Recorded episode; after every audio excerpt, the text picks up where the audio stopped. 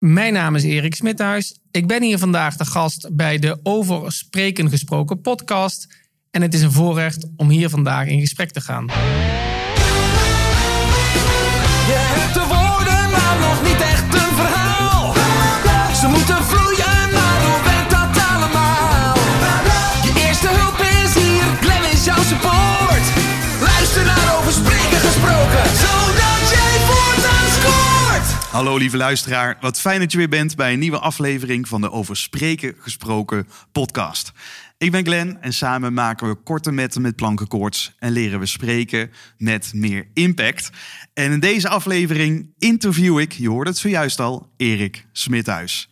Erik is spreker, auteur, ondernemer. Uh, hij spreekt onder andere over ondernemerschap, leiderschap en persoonlijke ontwikkeling. Hij is auteur van verschillende boeken, waaronder Een Gouden Toekomst, De Reis van 800 kilometer, over de reis naar de Santiago de Compostela en het boek Iedere dag geluk. Leven vanuit meer inspiratie en plezier. Als ondernemer zou u Erik ook wel kunnen kennen, want hij is een van de oprichters van ICM-opleidingen en trainingen. Sinds 2003 is ICM uitgegroeid tot een van de grootste opleidingsinstituten van Nederland en staat het regelmatig in de top van Great Place to Work. En in dit interview horen we Eriks lessen aan de hand van de principes van beïnvloeding. Dus na afloop van dit gesprek weet jij hoe je bijna alles voor elkaar krijgt. Zet je schrap en ik wens je heel veel luisterplezier toe.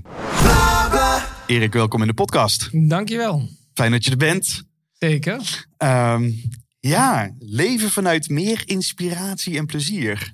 En in de eerste paar zinnen hadden wij het al over inspiratie, geïnspireerd zijn. Ja. Wat, wat is inspiratie voor jou? Nou, inspiratie is dat gevoel uh, dat, dat je er zin in hebt. Uh, dat datgene wat je aan het doen bent, dat dat energie geeft. En dat je samen uh, met anderen ja, in een soort flow geraakt. Waarvan je denkt, dit is mooi, dit heeft betekenis wat ik nu aan het doen ben. En, en samen maken we de wereld een stukje mooier. Ja. Ja. Mooi. En waarom is dat zo belangrijk voor jou in jouw leven? Dat je zegt van nou, dit, dit is wat ik het meeste wil doen. Ja, nou, dat is een hele mooie vraag.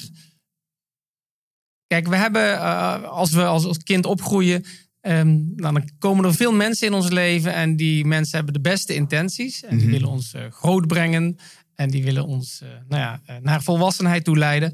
Maar wat gebeurt er heel vaak? Dat het echt van buiten naar binnen gaat. Dus er wordt veel in ons gestopt en dat mogen we allemaal leren. Daar is op zich niks mis mee. De vraag is wel, uh, wat zit er binnenin jou wat zich wil uiten? Mm-hmm. Wat leeft er in jou? Wat, wat raakt je? Wat inspireert je om tot expressie te brengen? Yeah. En inspiratie, dat is voor mij allereerst in verbinding staan, zal ik maar zeggen, met de, de, de verticale lijn. Um, in plaats van de horizontale lijn. Daar spreek ik ook wel eens over. Dat is uh, verleden, heden, toekomst. En daar hebben we de hele dag allerlei dingen te doen. Ja.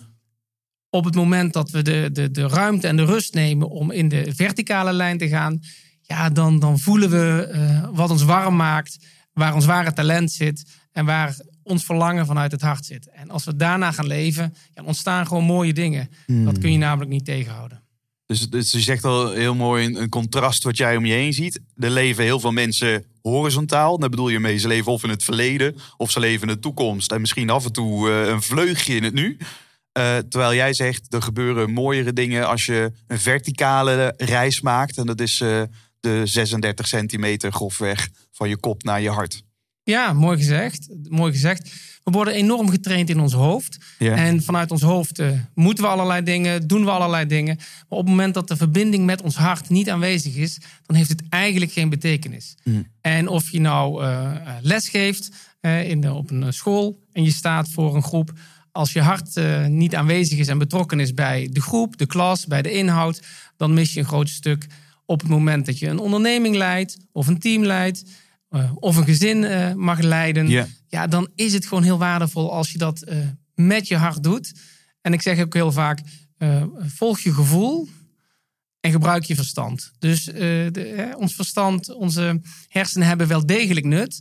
Maar laten we ondergeschikt zijn aan de verlangens van ons hart en de inspiratie die van binnenuit leeft. Ja. En ik, en ik merk, er komen meteen allemaal vragen omhoog. Want dat, dat, ik vind het meteen mooi. Dan gaan we misschien komen, gaan we al heel dicht naar de essentie van, van het leven. En, en Mhm. hoe je dat goed kunt doen. En tegelijkertijd bemerk ik bij mezelf ook de paradoxaliteit van, van hè, eh, volg je gevoel. En eh, nou, weet je, als ik echt louter op mijn gevoel eh, loop en dan kom thuis, dan denk ik, oh, lekker speciaal biertje erbij, lekker zakje chips erbij. En dan denk je, ja, is dat wel echt iets wat ik wil? Of is dat ergens al op diepe niveau verdoving? Ik weet het niet. Maar ja, als ik louter op mijn intuïtie drijf, zou je kunnen zeggen, dan, ja, dan ben ik heel hedonistisch. Eh, namelijk, dan heb ik zoveel mogelijk lol en eh, alles wat, wat een beetje pijn doet, ga ik uit de weg. Eh, terwijl dan, als je het dan hebt over ontwikkeling, dan is het juist mooi om die ja, de, de, de weerstand juist op te zoeken. Want daar zit de marge voor groei. Hoe, Ja. hoe zie je dat? Hoe zie ik dat? Nou, hier is het heel belangrijk in mijn ogen. En dit, dit, dit, dit- ja, dit gaat om woorden en dit gaat om taal. Maar voor mij is het heel belangrijk om wel echt een onderscheid te maken tussen emotie en gevoelens. Oké. En zeker eh, als je het hebt over intuïtie.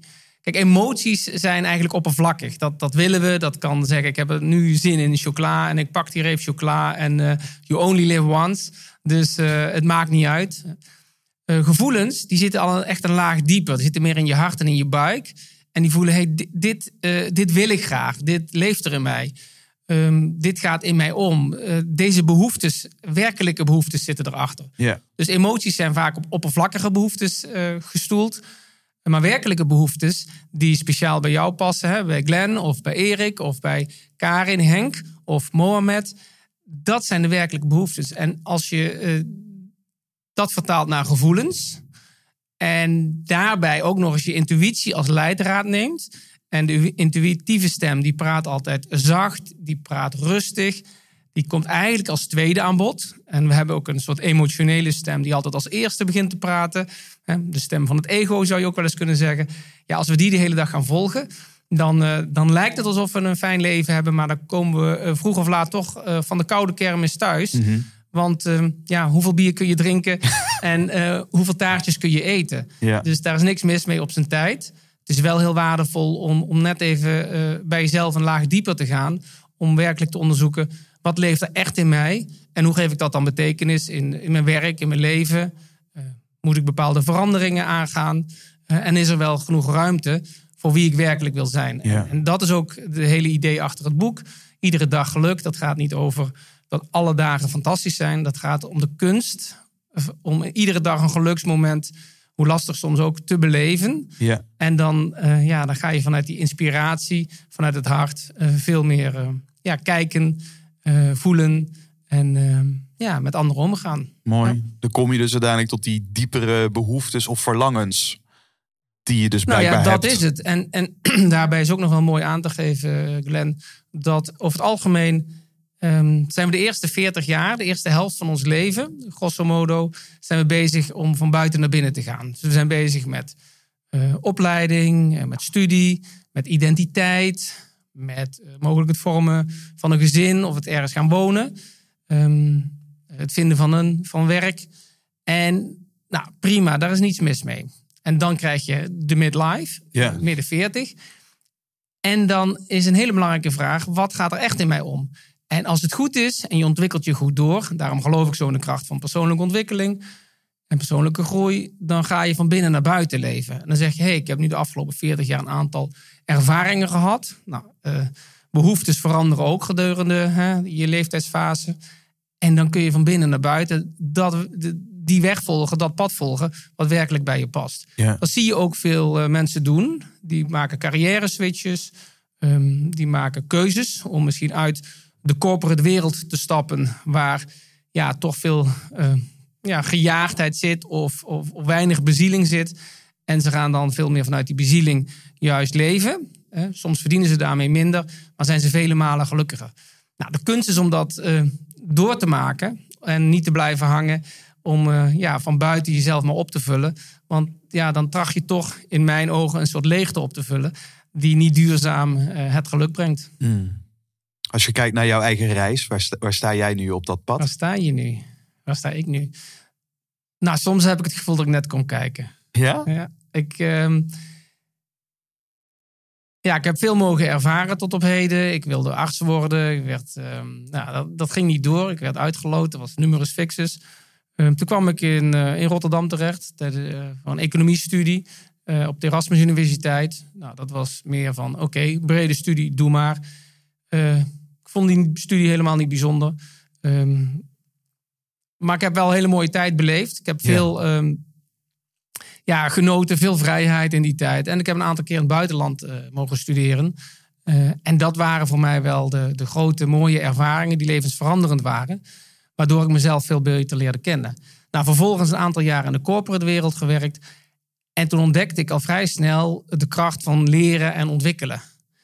En toen ben ik uh, ja, daar eigenlijk helemaal in opgegaan. En in het begin ja, was ik de leerling. Nu mag ik wat meer de leermeester zijn tegelijkertijd heb ik altijd het gevoel om nog steeds leerling te blijven. Ja. Um, dus dat gaat mooi hand in hand samen. En uh, ja, ik kan niet anders zeggen dan dat tot, tot, op heden ik me vooral dankbaar voel voor alles wat mij uh, uh, ja, heeft mogen toekomen. En daar deel ik ook graag in, op welke wijze dan ook. En ja, wat er nog in het vat zit, ik weet het niet. ik heb wel het gevoel dat het me meer en meer helder is wat ik wel te doen heb en wat ook niet voor mij is. Want ja, ook al ben je uh, nou, zakelijk succesvol, um, tijd kun je niet vermeerderen. Je kunt het aantal mensen dat je kent vermeerderen. Je kunt je, je LinkedIn-contacten vergroten. Je kunt geld, bezittingen laten groeien. Maar de tijd die je hebt is, ja, zou je kunnen zeggen, ehm, afnemend. Yeah. Nou, ik vind een hele mooie vraag. Hoe wil jij de tijd die nu is en die nog gaat komen, hoe wil je die besteden? En kies je voor kwaliteit, voor echtheid? Ja. Of, uh, of niet? En daar zit voor mij gewoon uh, ja, een hele mooie um, verrassing van wat nog komen gaat. En um, ik sta ook iedere dag op en denk van nou, ik heb een, het lijkt er alsof ik een aantal afspraken of een aantal dingen in mijn agenda heb. Nou, um, als je uh, God of het universum wil laten lachen, moet je je plannen vertellen. Dus ik, uh, ik ben dan ook benieuwd, nou, wat gaat deze dag brengen? En ik tracht daar wel uh, ja, vanuit de verbinding, vanuit mijn gevoel, vanuit de aanwezigheid ja, in te zitten. En dan, ja, dan gebeuren er mooie dingen. En, en soms is een dag een 9, soms is die een 7. Maar grosso modo, ja. Zit het wel goed? Zit het fijn. Heel fijn. Ik vind het nog steeds wel grappig dat het eerste wat je zegt is: ja, ik heb het gevoel dat ik net kom kijken. Ja. En daarna refereer je naar je reis, vooral in het verleden. Ja, dan zou je kunnen zeggen: volgend jaar bestaat ICM 20 jaar. Ja. Nou, als je het dan hebt over tijd uh, in je leven. Nou, de, de 20 jaar is er om en nabij 25% van je leven. Ja. Dus, dus dat is een aanzienlijk deel van je leven dat je daarmee bezig bent geweest. Uh, je hebt een gezin. Uh. Je hebt er twee, twee zoons, volgens mij, die beide in de puberteit zitten op dit moment. Ja. dus, dus je zou kunnen zeggen: je hebt, je hebt veel en je doet veel. Um, en tegelijkertijd hoor ik ook een ontvankelijkheid. Dat iedere keer als jij wakker wordt, dat je denkt, nou, ik laat me verrassen wat deze Ja. dag me gaat brengen. Ja. Hoe, hoe, hoe manage je dat met, ja, met alle misschien weerstand op dat Ja. gevoel of dat, op dat woord manager per se. Maar ja, je hebt, dat, je hebt wel een hoop verantwoordelijkheden. Ja, die heb ik ook eh, wel degelijk. Eh, anderzijds heb ik ook wel leren, leren, eh, geleerd om, om los te laten. En kijk, eh, nogmaals, het hoofd wil graag uittekenen hoe het allemaal gaat lopen. Eh, dat kan niet. Dat, dat kan echt niet. Wat je wel kunt doen, is iedere keer, iedere dag, ieder moment je verbinden eh, met, eh, nou, met je hart, met je, je binnenste, met je wijsheid. En en, eh, lang geleden, meer dan twintig jaar geleden denk ik al, toen, toen keek ik naar de film The Lord of the Rings. Voor velen wel bekend, Ja. een episch verhaal. En toen was daar de zinsnede, en ik hou van, van, van zinsnedes, van, van uitspraken. Want er zit vaak heel veel wijsheid in, in, in, in een paar woorden. Was een van de uitspraken van Gel, Gandalf. Gandalf is de, de wijze eh, man in de film. Eh, de gids, zal ik maar zeggen, voor eh, de, de zoekende. En, ehm, en die zegt ergens in een van de fragmenten: Het enige wat we te beslissen hebben, is wat we doen met de tijd die ons gegeven is. Mhm. Ja, en dat vind ik heel mooi. Dus eh, kan, eh, als ik terugkijk, kan ik zeggen: Nou, eh, fijn dat ik mijn tijd heel goed heb mogen besteden. Ehm, en, en nu is ICM in dit geval een, een, een heel groot instituut geworden. Maar daar gaat het voor mij niet om. Was het kleiner geweest, was het ook prachtig geweest. Mits, en daar ben ik het meest trots op, dat het een, een, een plek is waar mensen samenkomen die, die zich eh, voeden, die geraakt worden, die geïnspireerd worden. En we zijn nu al eh, meer dan vijf keer eh, verkozen tot een van de beste werkgevers van Nederland. En, en de sfeer en de cultuur bij ons die is zo bijzonder. Dat komt omdat we gewoon zo op die menskant zitten. En daarnaast weet je, zijn we goed in de zakelijkheid en de professionaliteit. Maar het gaat voor mij altijd eerst om mensen. En dan, eh, dan moet je een beetje geluk hebben. Hè? Inzet plus geluk. ja, zijn dat de noem twee jij ondernemerschap toch? Of succesvol Ja, ondernemen. Succesvol ondernemerschap. En het zijn maar woorden. Maar voor mij is, ehm, is, is dat iets waar ik heel trots op ben. En ehm, gelukkig, ik heb de eerste eh, ja, 10, 15 jaar heel, eh, heel hard gewerkt ook aan een onderneming. Want ja, dat, dat was gewoon... we begonnen met z'n tweeën op een kamer. En Ja. een kamer van 7 bij 4. En binnen 10 jaar eh, ruim 100 medewerkers op kantoor. En nog eh 200, 300 professionals die voor ons actief zijn. Dus je kunt je voorstellen dat het enorme inzet vraagt. Om dat ook goed neer te zetten. Eh, De laatste jaren heb ik dan eh, het voorrecht om dat nog deeltijds te doen, om dat te mogen leiden. En samen heel, met een heel goed en fijn team te werken. Ja, en dat betekent ook dat ik nog meer ruimte heb om niet door de agenda geleefd te worden, maar daar te kunnen gaan waar ik, waar ik het gevoel heb dat ik van betekenis ben en Ja. van nut ben. Want hoeveel dagen ben jij nu nog echt actief ongeveer Nou, daar ben week? ik eh, 16 tot 20 uur ben ik met eh, de ICM-organisatie bezig. Ja, Daarnaast ben ik betrokken bij een aantal goede doelen. ja. Eh, zoals eh, het eh, bekende tv-programma Over de Streep, eh, Challenge Day, waar jongeren samenkomen. Dat gaat voor verbinding, tegen pesten, om echt de waterlijn te laten vallen van wat als ik jou echt zou kennen. ja. En we zien zoveel mensen aan de buitenkant eh, iedere keer weer. En, en dan vormen we oordelen, maar we weten eigenlijk helemaal niet of vrijwel niet wat in die ander omgaat. Op het moment dat je dat gaat delen in die kwetsbaarheid, in die openheid, dan krijg je echt meteen een, een prachtige ontmoeting en dan krijg je een hartsverbinding. En ehm, ja, daar ben ik eh, ook al eh, jaren bij betrokken. En dat mag ik als een, in een bestuursrol medeleiden. En, nou, en ook nog met andere goede initiatieven. Dus voor mij gaat het altijd wel om kwaliteit en betekenis. Op welke manier dan ook. ja. Ehm, en nogmaals, daar hoef je niet eh, de hele wereld voor af te reizen.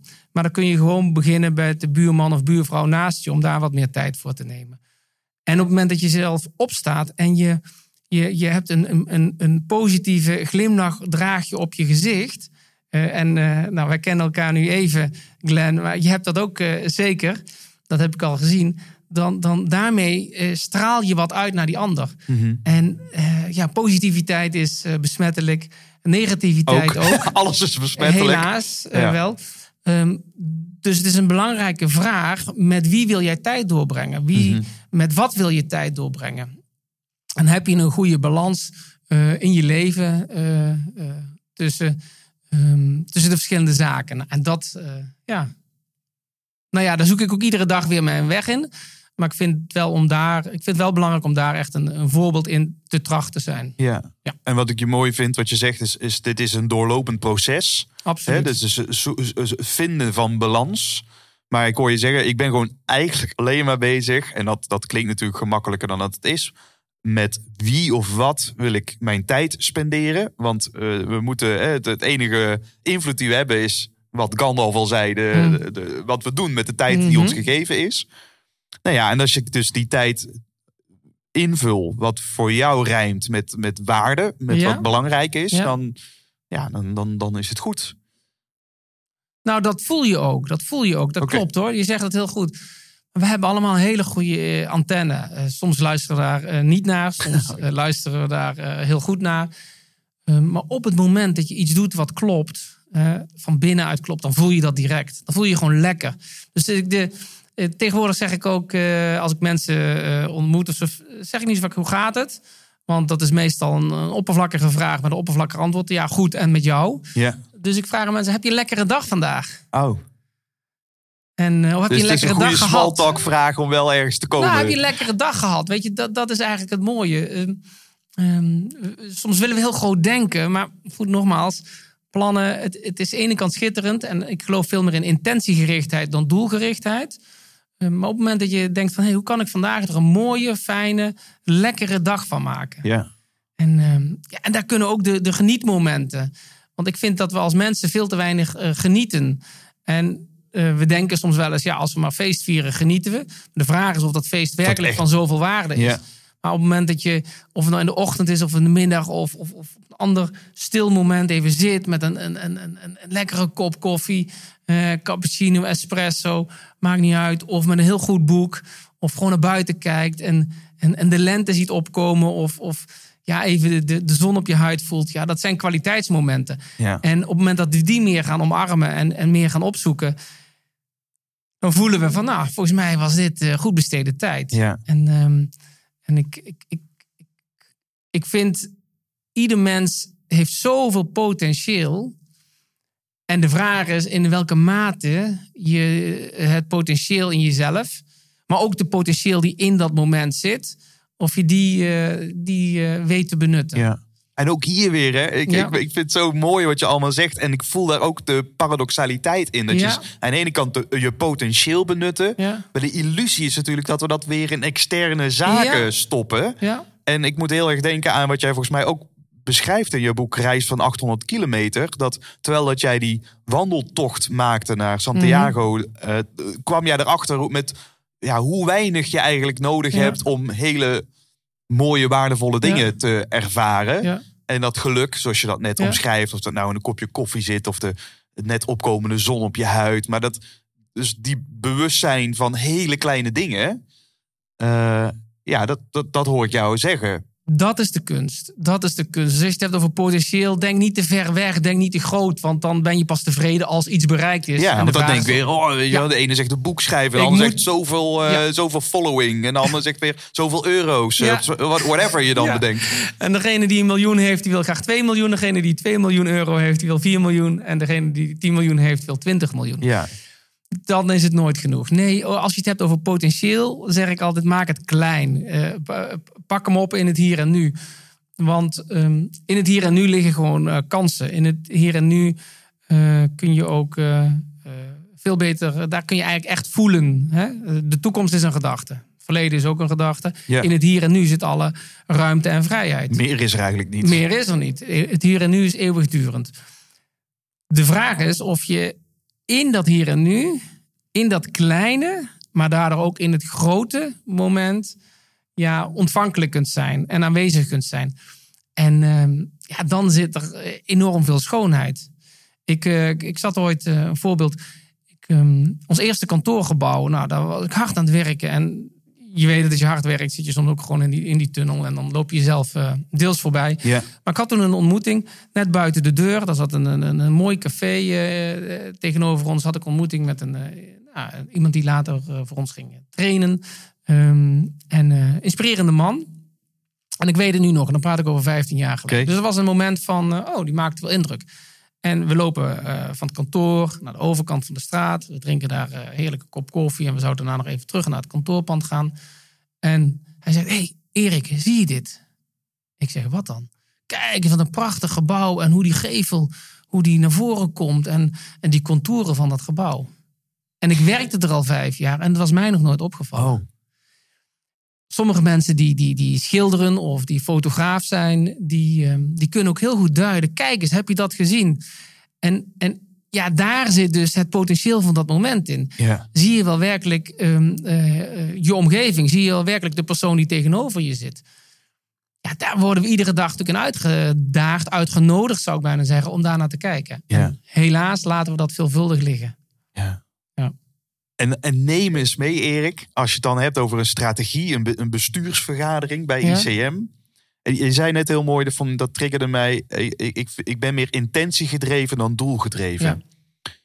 En dan, maar je, je hebt ook een club waar 100 mensen werken. 120 mensen op 120 kantoor, mensen werken. ja. Dus, dus, dat, hè, dus daar gaan. Hè, dus dan eh, denk ik meteen even gewoon strategisch. zien, Weet je wel, je Ja. wil een cashflow hebben van tonnen. Want ja, weet je Ja. als je dat niet hebt, dan, eh, dan, dan, dan ben je al heel snel af met de salarissen die eh, betaald moeten worden. En dan, nou, dan, dan, dan zit je bij elkaar en, dat, en dan wordt het financiële plaatje bekeken en dan wordt de in, inhouds.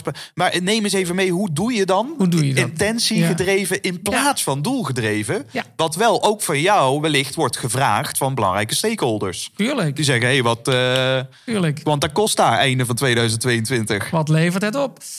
Ehm, nou, ook weer een hele mooie vraag. Kijk, eh, wij runnen, of ik mag eh, samen met mijn compagnon en goede vriend Harry-Peter Roefs, mag ik ICM leiden, begeleiden. Wij zijn nou, 50% eh, eigenaar. We hebben daarna ook de directeursrol.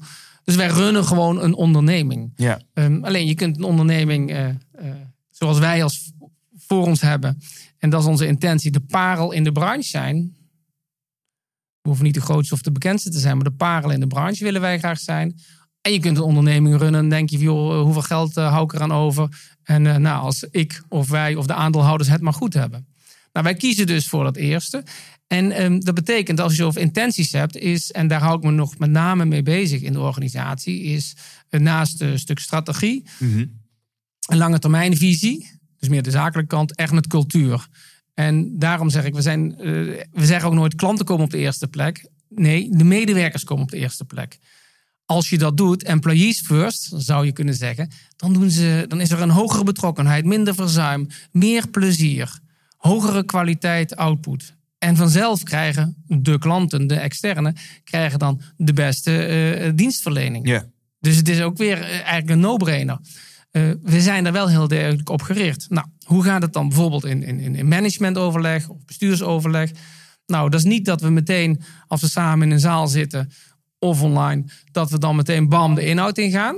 Maar we hebben twee keer per maand bijvoorbeeld zo'n eh, overleg dan met de eindverantwoordelijke, het leiderschapsteam zoals we dat noemen. En dan maken we eerst een rondje, één voor één. En dat kost totaal misschien wel een half uur van de Ja. twee uur die we overleggen. Een zonnetje wolkje. En zonnetje wolkje staat voor, nou vertel eens even wat er eh, fijn gaat. Of vertel eens even hè, het zonnetje of waar je mee worstelt. Ja. En dat mag van alles zijn. En vaak komen ook privézaken aan de orde. Want of in, eh, in het gezin speelt iets, of een van de ouders. Dat heeft zijn weerslag op het werk of, en eh, vice versa. Precies. Je brengt jezelf natuurlijk altijd mee naar het werk. Ja. Maar het feit dat we daar oprecht naar, naar luisteren en ook weten wat er in elkaar omgaat, ja, dat maakt vervolgens dat je daarna, als je naar de inhoud stapt, want natuurlijk heb je een winst- en verliesrekening als onderneming en heb je dat goed te managen en ehm, is het belangrijk dat je inkomsten groter zijn dan je uitgaven. Nou, dat is vervolgens stap twee. Ja. Maar het begint met het zoeken van, van eh, de connectie, de verbinding met elkaar. Eh, ook voelen dat je de juiste man of vrouw op de juiste plek hebt zitten. En van daaruit ga je naar de inhoud. Ja, en dan, hè, ik zeg het daarom, eh, ehm, eh, het, het, het verstand, het denken is een heel waardevol instrument. eh, op het moment dat het dienend is aan het hogere doel. En dat, eh, ja, dat zetten we goed in. Eh, bedoel, we doen het daarom al eh, ehm, ja, eh, zakelijk ook eh, al uitermate goed. Ehm, in een hele mooie, eh, in hele mooie materie. Hè? Dus ik denk ook als ondernemer dat ik niet zo snel een ICT-bedrijf had opgericht of een, eh, een meubelfirma. Ja, dat zeg je Maar- vaker, hè, dat het niet per se gaat over ondernemen. Je hebt van die ondernemers, maakt niet uit Ja. wat ze ondernemen. Maar bij jou gaat het heel duidelijk over dat ontwikkelen. Ja, dat is voor mij echt eh, de, de, de, leidend in mijn leven. Toen ik het eerste boek op dat vlak, op mijn 26-jarige leeftijd, in handen kreeg, toen, toen Benny gaat of dat niet? was, ja, heel goed. Je hebt je goed voorbereid. En eh, dat was eh, in Utrecht, ehm, in de boekhandel. Ik had een economiestudie, maar ik liep niet naar de economiesector, maar ik liep naar de psychologie-sector. En daar een boek, nou, ik weet niet of het boek, of ik het boek beet pakte, of het boek eh, pakte mij beet. Ehm, hè, dat is altijd Ja. een interessante vraag. Ehm, en dat, dat, dat, de titel, de prikkelende titel, haal het beste uit jezelf. En eh, ja, toen dacht ik, hé, hey, dit is interessant. Want ik neem mezelf overal mee naartoe. Je neemt jezelf als persoon, als mens overal mee naartoe. Dus hoe, hoe beter je jezelf kent. Mhm. En de oude Grieken zeiden het al, hè, ken uzelf, hè, het orakel van Delphi. Als je jezelf beter leert kennen, weet je eh, waar je goed in bent, waar je talent ligt, waar je energie van krijgt, waar je geen energie van krijgt, wat je wel te doen hebt, wat je niet te doen hebt. Ik heb ook zakelijk gezien eh, een paar eh, grote stappen moeten nemen. Hè, door een, een, eigenlijk in de ogen van velen een heel mooi dienstverband eh, los te laten. Goed betaald bij een, een, een wereldberoemd bedrijf. Ehm, alleen ik merkte dat eh, daar mijn lange termijn geluk niet zou zitten en zat. Nou, dat zijn hele spannende momenten. Maar in momenten van keuze wordt je toekomst gecreëerd. Dus ik dacht van, ehm, ja, ja, ik vind het ontzettend spannend. Maar ik heb geen andere keus dan toch de stap te zetten. Om ogenschijnlijk weer even bij nul te beginnen. Ehm, maar ja, als je ladder tegen de, de verkeerde muur staat en je bereikt de hoogste treden, dat is natuurlijk heel eh, droevig. Het is heel demotiverend om Ja, heel hard te werken ja, en uiteindelijk op de verkeerde berg uit te komen. Bijvoorbeeld. En ehm, ja, als dat eh, ook eh, hè, je mooie carrière ten koste gaat van je relatie of je gezondheid, dan is de vraag of het een mooie carrière is. Ja, want dat zou een vraag die dan in me opkomt. Hoe weet je dan dat dit de verkeerde muur is? Hè? Dat, die, dat die ladder tegen de verkeerde muur staat. Maar ik hoor duidelijk al negatieve gevolgen. Relationeel, gezondheidstechnisch. Dus je, je merkt op een gegeven moment dat die energie, dat er wel een energielek zit. Absoluut, absoluut. En je kunt jezelf ook eh, de vraag stellen: ehm, eh, ben ik goed in balans? Want eh, veel organisaties, veel mensen, ook veel succesvolle mensen, of het nou eh, of ze bekend zijn of minder bekend, maar hebben eigenlijk als, als je het afpelt een, een- vaak een primaire angstdrijfveer. Mhm. Dus eh, oeh, ik moet nog wel performen, want anders dan raak ik mijn positie kwijt. Of wat vinden anderen van mij? Of culturen, hè? ook in het zakenleven. Culturen van angst zijn nog steeds aan de orde van de dag. Ik hoorde onlangs het verhaal van een, iemand die werkt bij een eh, enorme grote firma op het gebied van energie. En die worden gewoon als medewerker met een track-and-trace systeem Ja. worden ze de hele dag gevolgd. Dus als de beste man denkt, ik ga even op een bankje zitten in het park, even van de lentezon genieten en eh, even uitpuffen, om vervolgens weer naar de volgende klant of adres te gaan, dan kunnen ze al zien van, hé hey, eh, Willem, je hebt eh, 15 minuten niet iets actiefs gedaan, want je zat 15 minuten stil op die en die plek. Nou ja, zo'n toekomst moet je niet willen. De beste man heeft na 23 jaar, hè, het was de laatste jaren dan vooral het geval, heeft hij die organisatie verlaten. Is bij een heel andere organisatie terechtgekomen waar ze dit eh, allerminst doen. En hij voelt zich helemaal op zijn plek.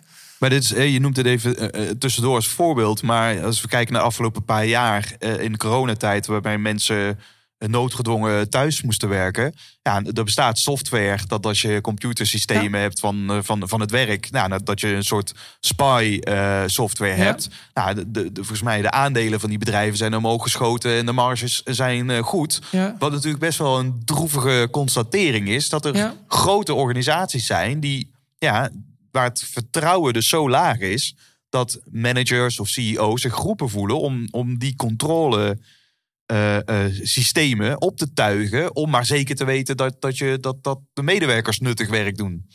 Absoluut. Ja, voor mij is het een teken van droevenis. Daar ben ik heel eerlijk in. Ehm, eh, ik geloof heel erg in, in, in- de nieuwe tijd, de 21ste eeuw. En in het nieuwe tijds ondernemerschap, in het nieuwe tijds samenwerken, in het nieuwe tijds creëren. gaat het om een cultuur van vertrouwen, van verbinding, van saamhorigheid. En daartegenover staat natuurlijk een cultuur van angst, van oordeel, van strijd. Nou, dit is eh, eh, wantrouwen hebben richting medewerkers. Denk ik van, hoezo dan?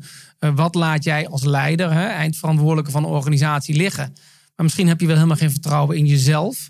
Waardoor je dit gaat projecteren op een, een enorme groep mensen. Ja. Ehm, ja, helaas kun je veel geld verdienen met ongeïnspireerde, onbezielde organisaties. Ja. Want als je soms net in de, in de, in de goede hoek zit, ja, dan, dan pak je de poet.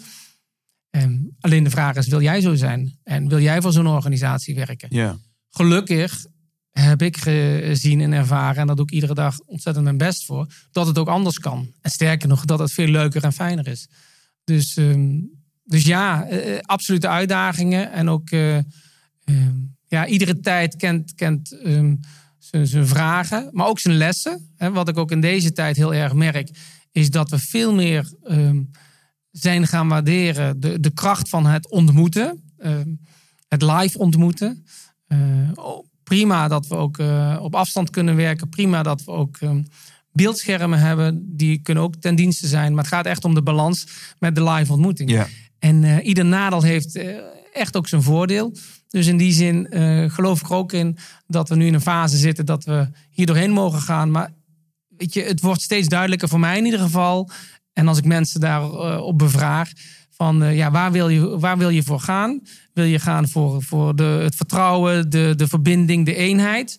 Of wil je gaan voor het tegenovergestelde? Nou ja, 99 van de 100, die kiezen voor het eerste. En die ene persoon die dat niet wil, die heeft misschien dermate ervaring opgelopen dat hij denkt van, dat is onmogelijk. Een soort pessimist die denkt van nou, het zit er niet in in de mensheid. De meeste mensen deugen niet, Ja, zou je kunnen, ja, kunnen zeggen. ja, dan krijg je de cynicus of eh, inderdaad de pessimist. En eh, ja. Mooi, Erik. En ik, ik, ik kan me voorstellen, er zijn echt zoveel onderwerpen waar wij volgens mij uren over kunnen nou, oreren haast. Hè? Omdat, het, omdat, het, omdat het ons inspireert. Omdat wij nieuwsgierig zijn naar, Ja. eh, naar het leven en alles Ja. wat erbij komt. Ehm, en, en, en tegelijkertijd geef jij, en we hebben het eigenlijk stiekem al heel erg over beïnvloeding. Namelijk, hè, Ja. de beïnvloeding begint bij eh, bewustzijn van jezelf. eh, weten wat je belangrijk vindt. Nou, daar gaat dit over. hè. Mhm. Levert iets energie op of kost het energie? Nou, als energie kost, ja, dan kun je wel willen beïnvloeden, maar dan is het niet duurzaam. Mhm. Hè, dan houdt dat op een gegeven moment een keer op. Eh, wat, wat, maakt dat jij ook in organisaties, als spreker, als eh, workshopleider, wat maakt dat jij je al heel lang volgens mij eh, interesseert in de principes van beïnvloeding? Ja, dat begon eigenlijk toen ik 21 was. Toen, ehm, toen bewust dat ik, als ik het terughaal. Hè, toen studeerde ik in Rotterdam. Toen had ik de gelegenheid om deur aan deur kalenders met foto's van hele mooie plekken in Rotterdam te verkopen. dat was En, jouw eh, bijbaantje Ja, dat was mijn bijbaan. En eh, ik eh, verkocht ze voor 10 gulden. Ik kocht ze in voor 5 gulden. Oké, nou En eh, ik verkocht dat 20 tot 30 per uur. Dus dat was een goed uurloon. En toen konden we s'avonds, dat deed ik dan drie uurtjes op een middag. En dan s'avonds konden we plezier maken, eten en drinken. En toen merkte ik al van, hey, op het moment dat je met iemand in interactie bent, dan kun je op twee manieren het verhaal vertellen. Je kunt dat vertellen eh, ja, met enthousiasme, eh, met beleving, eh, met oprechtheid. Of je kunt het vlak vertellen of ehm, ja, vooral bezig zijn met wat kan ik hier uithalen? What's in it for me? En ehm, vanaf dat moment ben ik me nog veel meer bewust, onbewust gaan bezighouden met eh, communicatie. Nou, ik denk dat eh, dat ook gewoon bij me past. Ik weet nog dat ik veel vakken daar heb gevolgd eh, in Rotterdam. Eén vak was eh, communicatievaardigheden. Er waren maar vier dagen. Was eigenlijk een soort bijvak. Maar ik vond het ontzettend interessant. Het gaat over mensen, het gaat over psychologie. En ehm, ja, we hebben de hele dag te maken met datgene wat we doen, wat we uitstralen. We worden de hele dag ja, beïnvloed. Dus ik heb ehm, ja, in mijn werk ben daarna in, in commerciële rollen en functies terechtgekomen. Ja, daar heb je er ook sterk mee te maken. Ja. Ja, en wat ik graag wil uitdragen, en dat doe ik ook door middel van lezingen en, en workshops en anderzijds, en boeken, is de kracht van positief beïnvloeden. De kracht van positief samenwerken. Oké. Eh, je kunt het ook eh, manipu- manipulatief gebruiken. Je kunt het ook negatief gebruiken. Je Dus dat is kunt het voor negatief eigen- beïnvloeden, is ja, manipuleren. Ja, dat is echt voor eigen gewin. Maar eh, hoe mooi is het als je samenkomt met mensen, samenwerkt met mensen en, en je tilt elkaar op. En woorden, dat heb ik ook gemerkt, woorden doen er enorm toe. Ja. Woorden hebben heel veel invloed. Ehm, en als je die woorden, het zijn 26 letters waar je, waar je over spreekt in het Romaanse, Romeinse alfabet. Ja, dan kun je met een paar woorden kun je ontzettend veel zeggen. En ik had laatst, eh, het nieuwe jaar was begonnen. Ik, ik weet niet, ik had een, een, een inspirerend creatief moment. En ik dacht, hé, hey, laat ik eens, een, laat ik eens een, een kaart creëren, een nieuwjaarskaart. Ik ben, de kerstkaarten, dat doen anderen, maar ik pak de nieuwjaarskaart. Ja. Dat vind ik mooi, dan, dan val je ook wat meer op. Want dan eh, heeft iedereen de Dat is kaart toch de ondernemer in je ook? Ja, dat is net even anders hè, zijn. En eh, ik denk, ga een nieuwjaarskaart. En toen had ik de, kreeg ik zo de, de mooie woorden eh, binnen van... ehm, wie liefde deelt, vermenigvuldigt het. Mhm. Nou, die woorden, wie liefde deelt, vermenigvuldigt het. Toen dacht ik, hé, hey, daar kan ik wel eens een kaart van maken. Maar dan kan ik daar ook nog eh, een tekening, een tekening bij. Dus die woorden op een kaart, tekening. En laten we nou kiezen voor een jongetje die dan een hart in zich draagt, in zijn handen draagt. En die geeft dat hart, die geeft dat aan een ander. Dan kan ik niet tekenen. Mhm. Dus je, je, je eigen kracht eh, kennen en talent kennen is heel belangrijk. Maar ik ken wel iemand die heel goed, een oud collega van mij, Eliane, die heel goed kan tekenen. Want ik had iets van haar werk gezien. Ik dacht, wow, die kan het goed. Dus ik, eh, ik bel erop. Ik had er lang niet gesproken. Ik zeg, joh, ik heb dit en dat idee. Kunnen we een keer samen zitten? Nou, we gingen samen zitten. Zij zei, Erik, prachtig idee. Zou ik dat, dat, dat, dat hart van dat jongetje zou ik niet aan één andere persoon eh, geven, maar aan een groep mensen. Jong, oud, eh, kleur, niet kleur, maakt niet uit. Man, vrouw. En eh, nou, zij ging dat tekenen. Nou, was na twee weken klaar. Ehm, eh, net op tijd omdat het, ja, het nieuwe jaar begon. Vervolgens nou, liet ze me zien en ik dacht meteen, ja, prachtig. Nou, ik heb dat op heel mooi kwalitatief papier laten drukken bij de drukker hier. Eh, bij ons in het dorp, bij Paul. En vervolgens eh, Paul van Eck. En vervolgens Ja, ik vind die leuk om te horen, Ja. denk ik. En eh, vervolgens ehm, kwam er een prachtig eindresultaat in. Ja. Nou, dit was echt, ik was al helemaal blij. Vervolgens denk ik, oké, heb ik maak ik een lijstje van, nou, ik ga het eens aan wat mensen toesturen. En nou, met mooie handgeschreven woorden erin. En gewoon woorden van, joh, heel veel gezondheid, geluk en liefde voor komend jaar toegewenst. Het gekke is altijd, dat doen we in, eh, met oud en nieuw. Dan wensen we elkaar dat toe. En daarna gaan we weer rennen en racen. Maar goed, ik schrijf dat op. Plus nog iets persoonlijks van dank voor onze vriendschap. Of dank voor onze bijzondere ontmoetingen, et cetera. Nou, ik denk dat ik eh, nu in deze lichting eh, dat naar eh 20 of 30 mensen heb gestuurd. En nou ja, prachtig wat voor reacties daarop kwamen. Hmm. En dan denk ik, zo simpel. Ik moest er even werk van maken. Maar het gaat dus over die kracht van woorden. Hè, En een beeld zegt ook heel veel, soms meer zelfs dan woorden. Mhm. En ik, ik, ik neem het initiatief. Ik maak daar bewust tijd voor. Ik maak het persoonlijk. En wat doet het? Die tien minuten die ik besteed aan dat schrijven van die kaart, is vervolgens, eh, het verdiept onze relatie. Ja. En ehm, nou ja, daar, daar zie ik. En, en weet je, er worden boel, boeken volgeschreven over leiderschap en stijlen van leiderschap. En, en ja, heel belangrijk. Welke woorden spreek je uit en hoe zorgvuldig ben je in je woorden? Ja. En dat vind ik eh, ja, gewoon een heel bijzonder fenomeen. Ehm, en eh, ja, nou ja, daar mag ik graag iedere dag weer bewust bij stilstaan. En als ik een keer een uitglijer heb, denk ik, oeh, daar ging ik te snel. Dan, eh, dan, dan corrigeer ik mezelf en doe ik, tracht ik het de volgende keer anders te doen. Ja. Ja, en, en hier zitten meerdere dingen in. Dus je hebt het enerzijds over gewoon woorden en over dat woorden ertoe doen. Maar dat ergens, nou ja, ik kan ook gewoon een toffe spreuk op Google eh, opzoeken en dat eh, even copy-pasten in, eh, in een aantal WhatsApp-gesprekken. Maar ik hoor je ook al zeggen dat, dat ergens is het voelbaar. Eh, ondanks dat dat, ja, dat voelbare, het is niet dat het op een kaart zit gesmeerd. Maar eh, zoals een gerecht wat door de kok met liefde is bereid, Mhm. doorgaans toch net iets lekkerder Ja. smaakt. Dan als je gewoon een eh, stoofpot hebt wat Ja. gewoon plop in, Ja. in, op een bord is ge- ge- gesmeten. Eh, dus dus is iets, eh, de, de handgeschrevenheid, de, de, de koppeling naar iets persoonlijks, waardoor het toch gaat over die ander. Dat zijn allemaal natuurlijk stappen. En ik kan haast een lijstje met de principes die jij ook beschrijft eh, bij beïnvloeding en invloed naast leggen. Maar wat ik jou misschien nog wel op dieper niveau hoor zeggen, is dat over leiderschap en over alles wat er beschreven is. Je hebt iets, er is een fundamenteel niveau wat, wat heel, gaat over kleine dingen. Ja. En het, het is gewoon kleine dingen, treed ik echt in contact. Ben ik Mhm. echt nieuwsgierig. Ehm, eh, eh, demonstreer ik mijn intentie. Want Ja. doorgaans hebben mensen een positieve intentie. Maar het Ja. uit zich ineens heel anders. Dus dat zijn fundamentele zaken. En dan kunnen we het hebben over de nitty-witty details. Die misschien soms ook wel echt wel Mhm. belangrijk zijn. Maar zolang je dat fundament niet doet... Ja, dan hou maar op over alle strategieën en, en wetenschap. Begin maar gewoon bij de basis. Ga dat maar eerst goed doen. Ja, mooi. Ik vind dat je het mooi, eh, mooi vertaalt. Ja, wil je je huis op, op, op zand of op een rots bouwen?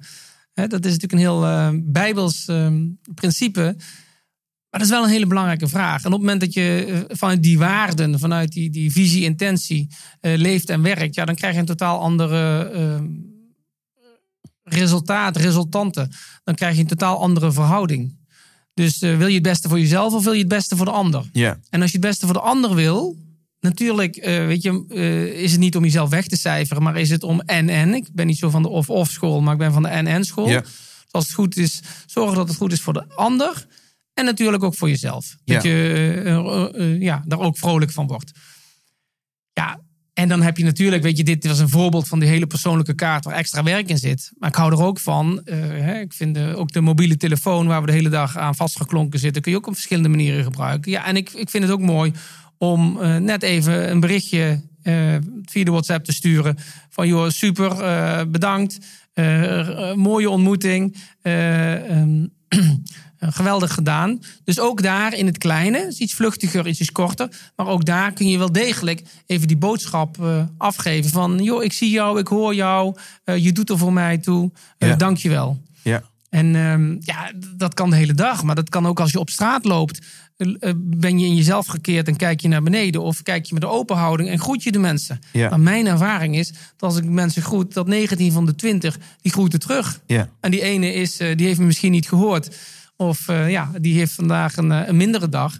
Maar ja, je hebt zoveel kansen ieder moment weer om, om, om nou ja, die warmte of die glimlach te geven. Ja, doe dat. En Ja. daar word je dan vervolgens, dat is altijd de grap, hè, wat je geeft, ontvang je terug. Daar word je veelvuldig op beloond. Ja. Mooi. En ik hoor hier ook eigenlijk een bruggetje naar de drie I's van, eh, van, van invloed. Een, een, een, een- volgens mij een bekend, een bekende methodiek, maar wat wel dan volgens mij dat fundament raakt. Zou je die met ons Ja, de kunnen drie delen? is iets van invloed. Kijk, het, eh, Het is een in, in, de, in de natuurlijk. communicatie houden we van rijtjes. Hè? Dus Ja. als je zegt, ik Ja. heb hier drie I's, dan wil je ze alle drie weten. Ja, Ehm, en eh, voor mij eh, vertaald betekent het eigenlijk, de, de, de, de eerste is ehm, eh, I see you. Dus ik, ik, ik zie jou. De tweede is I care for you. Ik, ik, ik, ik ben echt oprecht betrokken bij jou. Ik, ik wil het beste voor jou. Ik, ik, ehm, ja, ik, ik, ik, ik, voel me verbonden met jou. Eh, en de derde is I stimulate you. Ik, ik, ik stimuleer jou. Dus eh, weet je, wat jij nu hier aan het doen bent, prachtig. Al is er maar één persoon straks die hier, hier iets uit oppakt waarvan hij zegt, hé, hey, daar heb ik wat aan. Of iemand die gewoon een fijn uur of de tijd dat we samen zitten eh, eh, waardeert. Die zich opgetild voelt. En het stimuleren, dus dat wil ik, ook, wil ik vooral ook tegen jou zeggen, Glenn. Weet je, ga met dit prachtige instrument, hè, want dat is eh, dit hier wat we nu aan het doen zijn, ga daarmee door. Want het is een, een kwaliteitsinstrument. En het, het stimuleren, ik weet nog dat ik 23 was. Ik moest een presentatie geven. Ik vond het eh, eng. Er zaten 100 mensen in de zaal. En ik zat daar en iemand die ik niet eens zo goed kende. ehm, en met wie ik niet eens eh, ja, een hele close band had. Die zei eh, toen ik naar voren liep: Joh, dat kun je hartstikke goed. En dan praat ik letterlijk over 1993. Hè? Dus. ehm, die wat, deed dat, wat deed dat toen? nou, toen dat deed waanzinnig veel met mij. Ja? En notabene, hij zei het. Eh, maar, maar je kunt elkaar omhoog praten. En dat zetje geven de goede kant op. Of je kunt elkaar naar beneden praten. Ja, Wat natuurlijk veelvuldig gebeurt. Maar elkaar stimuleren is enorm hoog goed. ja, En ehm, eh, ik, ik hou van, van, van coaching. Ook, ook eh, mezelf eh, eh, ja, eh, daarin onder de loep nemen en, en sparren. Dat doe ik al jaren, want eh, topspelers, topsporters doen dat ook de- wel degelijk. Dus ik dacht, hé, hey, daar wil ik niet voor onderdoen. Ehm, laat ik ook een eh, coaching in de hand nemen. En ik weet nog dat een van mijn eerste coaches op een gegeven moment met de post op mooi briefpapier gewoon een briefje had eh, naar mij had gestuurd na eh, een van de gesprekken die we hadden gehad. Dan kreeg ik dat thuis. Ik maakte dat briefje open. Of eh, dat poststuk open. En er stond gewoon... Erik, ik geloof in jou. mooi. Lieve groet, Rudy. Hoe vaak wordt er tegen jou gezegd... Ik geloof in jou? Mhm. Nou, dat zijn de momenten dat ik denk van... Wauw, ja. Laat je niet tegenhouden door de, de, de kleine kritische stem. Eh, laat, ik, eh, laat, ik, laat ik deze woorden nou eens voor waarheid aannemen. En laat ik hier binnen mijn vermogens nou eens naar trachten te leven. Ja, mooi, mooi. En, en, Ja. en hier zit dus die, die drie I's, I see, eh, drie I's zou je Ja. kunnen zeggen. I see you, I care for you, I believe, uh, I believe in you, or Ja. I stimulate you. Ja? Nou ja, dat, maar dat, dat is dus als je vanuit die basishouding de ander tegemoet treedt. En let op, dat is natuurlijk al. Ja, ook ik vind het lastig, weet je wel. Wanneer dat je een aaneenschakeling hebt van afspraken. En dan heb je de ene meeting nog net niet gehad. En dan komt de plop de andere alweer Mhm. op. En, en dat je toch in je hoofd zit van, weet je, je hoort al beneden, weet je, komt er weer iemand thuis. En dan denk je, oh, weet je, dus je bent de veelheid Ja. der dingen, de waan Ja. van de dag, maakt dat het dat, dat dit common knowledge is en niet common practice. Uh, Mhm. en, en zelfs als je hier heel bewust van bent, dat het niet is van, oh, dan tik ik hem af of zo. Uh, Nee, dat, dat is het zeker niet. Het, het geldt, we, alles wat wij bespreken vraagt uh, iedere dag weer alertheid. vraagt aandacht. Aandacht, waakzaamheid, bewustzijn. Ehm, het is wel zo dat eh, de, de drie I's, ja, die verhogen de kwaliteit van je relatie enorm. Ja. Want bij wie wil je eh, graag zijn als je de keuze hebt? Bij iemand die kritisch op je is en die eh, het gevoel geeft dat je niet goed genoeg bent? Of bij iemand die eh, ja, je stimuleert, Ja. die echt eh, met oprechte aandacht bij jou betrokken is? Ja. En die, die, die graag je partner wil zijn in datgene wat je ook aan het doen bent. Ja. Dus ook het, het, ja, ehm, het om je heen hebben van supporters is enorm belangrijk. Ja. Want iedereen kent zelftwijfel. Hè, Ik heb ook nog regelmatig dat ik denk van, oh, doe ik wel het goede? Had ik het niet anders kunnen doen? Maar ik weet ook dat de, de aantal belangrijke mensen in mijn leven, dat die eh, dan even teruggeven van, joh, eh, eh, nou, ga zo door. Of wat mooi dat je dit gedaan hebt. Of dank je wel. Ja, en die supporters hebben we allemaal nodig. Ja. Dus zoek ook vooral, hè, want het leven draait enorm om relaties. Relaties brengen grote vreugde, relaties brengen groot verdriet. Op ons sterfbed denken we niet, hadden we maar meer geld verdiend of hadden we maar meer vergaderd Ja. Of zakendeals gesloten. Eh, op, eh, ja, op het moment dat we onze laatste adem uitblazen, dan gaan we altijd terug naar de relaties, de, de, de kernrelaties in ons leven. En dan maken we daar een evaluatie op. Ja. En ehm, ja, eh, het mooie is, en soms is het ook uitdagend, maar het mooie is dat jij ervoor kunt kiezen hoe jij om wilt gaan met de belangrijke relaties in je leven. En bij de ene gaat het automatisch en gaat het vanzelf. En, en, en vul je elkaar aan en stimuleer je elkaar. En misschien is op een andere relatie eh, vergeving enorm van toepassing. Ja. En ben je enorm gekwetst. En zul je eh, diep moeten gaan, eh, diep naar binnen moeten gaan. om uiteindelijk de ander oprecht te vergeven. Ehm, omdat hij eh, op dat moment ook niet beter wist of beter kon. Hè? Maar in ieder geval, eh, ja, eh, eh, wil je een force for good zijn of niet? Ja. En, en, en, en ik wil even de, de advocaat van de duivel Ja. spelen met jou goed vinden. Dat is heel goed. Ehm, want ik hoor een luisteraar denken nu, en ook als ik, als ik andere mensen, als ik zelf spreek over invloed en ik vraag hè, wat voor vragen ze daarover hebben, wat ze daarover willen weten, ja, dan, dan gaat het over, vaak over de mensen die, die ze niet zien, die ze niet caren en die Ja. ze ook niet stimuleren. Hoe, hoe beïnvloed ik die dan? Of vaak andersom, Ja. ik, voel me niet gezien in de plek waar ik, eh, of dat nou een team is of een klant die niet vanuit gelijkwaardigheid mij tegemoet treedt, maar gewoon, oh, daar hebben we weer zo'n verkoper, weet je wel, die, Ja. de- die daar toch een, een, een cynisch in is of Mhm. denigrerend. Of, of thuis dat je op de bank zit en dat je ja, de verbinding niet voelt. Of dat er, hè, dat er ruzie is over hele ogenschijnlijk kleine dingen. En dan, dan, dan stelt men de vraag: hoe beïnvloed ik die ander dan? Hoe beïnvloed ik de pessimist? Hoe beïnvloed ik de Mhm. droeftoeter eh, Ja. eh, gekscherend? Eh, wat, wat, waar, waar, Hoe ga je daarmee om? Hoe ga je daarmee om? Ja, hoe ga je daarmee om?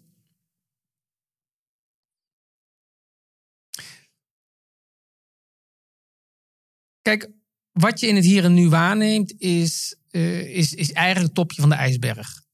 Dus dat is het eh, gedrag. Eh, dat kunnen soms de woorden zijn in dat moment. Maar de ijsberg kenmerkt zich door 90% eh, ja, volume onder water te hebben.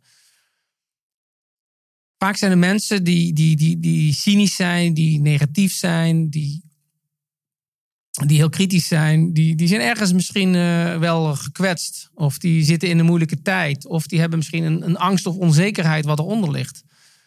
Ja, de kunst is wel om, om je te richten op, op degene die eh, het goede met je voor hebben.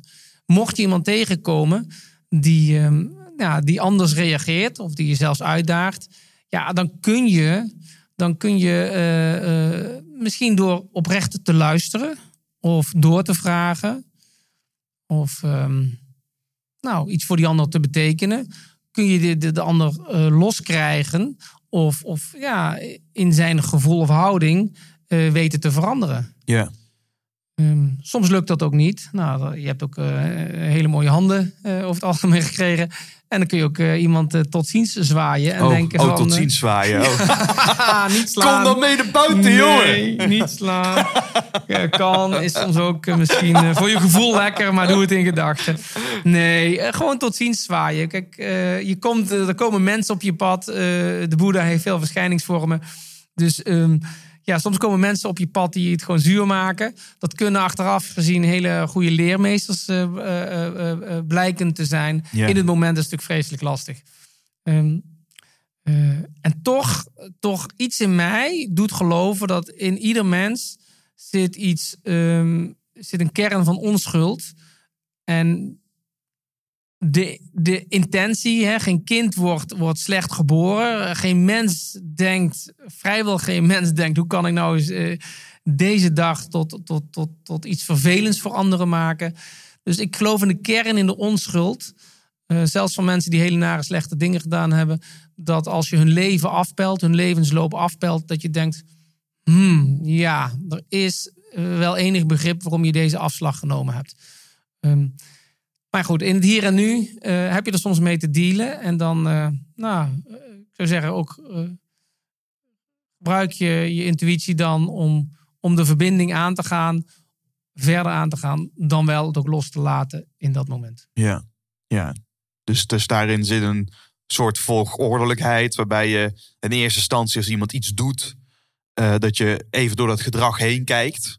En, en, en probeert te onderzoeken wat, wat, daar, Ja. wat daar redenen voor zijn. En je, je benoemt de welbekende ijsberg. Er zit vaak veel meer onder dan dat we in eerste instantie zien of Mhm. denken. Eh, en tegelijkertijd zeg je ook van, joh, er zullen ook toxische types op je pad komen. Eh, nou, dan kun je zeggen, joh, dat is een leermeester. Eh, de beste trainer is diegene die, die ons triggert. Mhm. Eh, en, en op andere momenten is het ook heel goed om, om, om je grenzen aan te kunnen Absoluut. geven. Ja. En, en de moed te hebben om, om afscheid te nemen als dat Ja. nodig is. Ja. Ehm, en ik kan me voorstellen dat dit voor veel luisteraars natuurlijk een afweging is. En ook, ook weer heel fluïde. tussen een baan waar, je, eh, waar jij zelf ook in, in zat. Een baan met heel veel comfort. Eh, met heel veel zekerheden. eh, maar toch ook een twijfel. Hè? Mhm. staat, die muur, eh, staat die ladder wel tegen de goede muur? Eh, anderzijds, hè, dat je soms eh, mensen eh, komen voor het bedrijf, verlaten voor de manager, hoor je Ja. vaak. Hè, dus als je misschien een topbedrijf hebt, Ja. maar gewoon net de pech hebt dat je gewoon een lul van een manager Ja. hebt die daar met alle positieve intentie ook aan die kant, maar die vanuit onzekerheid staat te ego-trippen. En zolang hij maar naar zijn stakeholders Mhm. de resultaten kan laten zien, dan ontspant hij. En hij heeft dan even geen aandacht voor de mensen die dat dan uiteindelijk bereiken. De wereld zit, omdat het vol zit met ontmoetingen, eh, ja, kun je ons wat, misschien ook aan de praktische kant, wat tips geven dan, beïnvloedingstips, eh, over hoe we, ehm, hoe we als het ware wat meer communicatie aikido kunnen doen. Mhm, mooi woord. Nou, ik- wat een hele, hele waardevol is van eh, wat kan ik hier brengen? Wat kan ik in deze situatie brengen? Op het moment dat je vooral bezig bent met wat kan ik hier halen, wat kan ik hier uithalen, dan voel je dat energetisch. Oké. Dus of je nou eh, in een commerciële rol zit, of je nou eh, leidinggevende bent, of dat je nou gewoon eh, samenwerkt in een team. Hm, Als je jezelf de vraag stelt, wat kan ik hier brengen? Hoe, kan, hoe kan ik van betekenis zijn? Ja, dan kom je al met een- heel anders binnen. En dan kom je eh, met een hele andere energie, eh, beweeg je naar de ander toe of naar, naar de omgeving toe, dan wanneer je denkt, oké, hoe kan ik hier eh, zelf het beste uithalen? Ja. Dat is voor mij wel een heel belangrijk aspect in, in de omgang, in de communicatie en dus in het vergroten van je invloed bij elkaar. Dus de eerste stap hier is die grondhouding, misschien wel een paradigma. Ja, Wat, absoluut. wat kan ik hier brengen in plaats van wat levert mij dit op? Ja. What's in it for me? What's in it for me? Ja. Ja, ja en eh, weet je, dit, hier zeg je nogal eh, wat, want zo zijn we niet getraind. Nee. Ehm, eh, we zien in heel veel een wedstrijd. en, en denken we altijd in een wedstrijd, ja, winnaar, verliezer. Ja. Maar zou het zo kunnen zijn dat dat oud denken is en dat je ook kunt denken van winnaar en winnaar? Hè, dus kijk, voor mij klopt het ook. In, in onderhandelingen zit ik ook wel eens en dan, dan eh, is mijn eerste opmerking altijd tegen degene met wie ik zit: joh, weet je, laten we ervoor zorgen dat het voor beide goed voelt. En eh, hè, dat we samen tot een uitkomst komen die voor beide goed voelt. Maar dat meen ik ook, ook oprecht. Want als het goed voelt voor die ander, maar niet goed voelt voor mij, of goed voelt voor mij, maar niet voor die ander, dan voelde ik dat er iets ontbreekt. Ja. Nou, dan is de kunst om net even verder door te gaan. Ja. Om zo daar te komen dat het voor beide goed voelt. Ja. Ehm, En, en het, hè, dus we, hebben, we gaan naar de eh, bekende, eh, het win-win denken. Het denken in, in overvloed. Ja. En Ik, zeg- ik noem Ja. bekend, maar eh, let, ja, misschien helemaal niet zo bekend. Want we zien om ons heen overal schaarste. Ja? Hè, ik probeer, ten- hoe meer jij krijgt, hoe minder er overblijft van mij. Dus dat wil ik niet. Ja. Ehm, ik merk wel dat als we dus samen... Hè, de- en wat ik ook heel bevrijdend vond... is dat als win-win niet mogelijk is... er ook altijd een no-deal optie gewoon kan. ja, van, door middel van tijd of Ja. door... Hè, we willen wel, maar eh, komt nu gewoon niet uit. Of eh, middelen zijn, budget is er niet op dit moment. Dat je gewoon zegt, nou, joh, prima. Kijk op een ander moment weer. Ehm, ik kwam er wel achter, dus als je die win-win streeft... maar de ander heeft toch niet de volwassenheid... om dus emotie van gevoel te onderscheiden... Mhm. En daar hadden we in het begin van het Ja. gesprek over. Het, het oppervlakkige, ik wil dit. Ja. Of wat drijft me nu? Ja. Dan, wordt het wel, dan wordt het heel moeilijk om dan een gelijkwaardig spel te spelen. Want als iemand vanuit afhankelijkheid jou dan tegemoet treedt... Ja, dan... eh, dan Absoluut. Nou, dat, dat zie je natuurlijk ook gewoon veel gebeuren. En dan vanuit machtspositie. Als jij eh, alle macht hebt en de ander die is eh, een stuk kleiner. Dus de ene kan wel makkelijk afscheid nemen. De machtige partij kan wel afscheid, makkelijk afscheid nemen van de, de kleine partij. In plaats van andersom. Ja, dan heb je een afhankelijkheidssituatie en een machtssituatie. Dat gebeurt, daar heb je mee te maken. Oké. De vraag is iedere keer, ook over communicatie en invloed. Wie wil jij zijn? Waar sta jij voor? Mhm. En, en, en, en ja, natuurlijk word je af en toe teleurgesteld. Maar als je enige teleurstelling in het leven is dat je een keer de bus of de tram mist of de trein mist, dan is dat een hele oppervlakkige teleurstelling. Maar als je iemand misschien wel een keer bedrogen wordt of ehm, iemand eh, eh, eh, schendt je vertrouwen of iets wat je heel graag wilde gaat toch niet door, om wat voor reden dan ook, dan is dat een enorme teleurstelling. Ehm, maar daardoor kun je wel heel veel leren over je eigen waarde. Ik kan me niet voorstellen dat mensen stelen. Ik heb dat nog nooit gedaan. Als ik een portemonnee vind, dan ga ik er echt met mannenmacht alles aan doen om die terug te krijgen bij de eigenaar. Nou, stel dat ik mijn portemonnee kwijtraak en, eh, of hij wordt zelfs gestolen, dan ehm, is het voor mij ook een spiegel dat ik het zo niet wil. Mhm. Dus, dus ehm, ja, je hebt ook, ook twee manieren van on- ontevredenheid. Is een frustrerende ontevredenheid of een inspirerende ontevredenheid. En ik geloof heel sterk dat je niet tegen iets moet zijn, maar voor het positief tegenovergestelde. Mhm. Natuurlijk zijn er bepaalde situaties dat je echt fel tegen moet zijn en dat is eh, no-go. Maar als je het overstijgt en je zegt, joh, ik ben niet eh, eh, tegen de, de, de uitsluiting, maar ik ben voor de verbinding. Ik bedoel, het is net even anders. Ja. Want natuurlijk ben ik tegen uitsluiting. Ja. Eh, maar als je het overstijgt, zeg je: ik ben voor verbinding Ja. en voor inclusie en voor eh, gelijkwaardigheid. Ja. Dan, dan kan je in ieder geval van daaruit energie anders richten. Ja. En ehm, Maar dit triggert me zo, Erik, als we dit verhouden naar de tijdsgeest van het moment waarin het heel erg gaat over diversiteit, heel erg Mhm. gaat over inclusie. Eh, nou, dat is iets wat, we, wat, wat ook eh, bij deze nieuwe Ja. tijd hoort, waarin we steeds meer kritisch zijn naar. Hè, je, je kan eh, eh, diversiteit en inclusiviteit zijn nog- nogal twee verschillende dingen ook. Ja. Kan wel een Ja. divers plaatje creëren met, met vrouwen, Ja. mannen van verschillende herkomsten. eh, maar maar doen ze, mogen ze daadwerkelijk meedoen?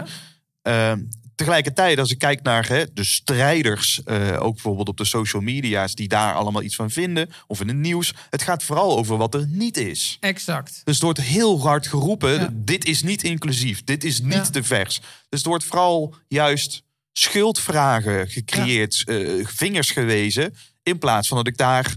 Hè, dus als jij het hebt over frustratie of inspiratie, ik proef vooral een hoop frustratie en weinig Ja. inspiratie. Ja. Klopt. Nou is frustratie natuurlijk eh, heel begrijpelijk. Hè? Maar dan zitten we weer inderdaad op die oppervlakkige emotie. Dus laten we zo zeggen, prima. Eh orken het. Heb je moment. eh, klaar, schreeuw af en toe 10 minuten per dag. Dat kan heel heilzaam zijn. Wees boos op iedereen.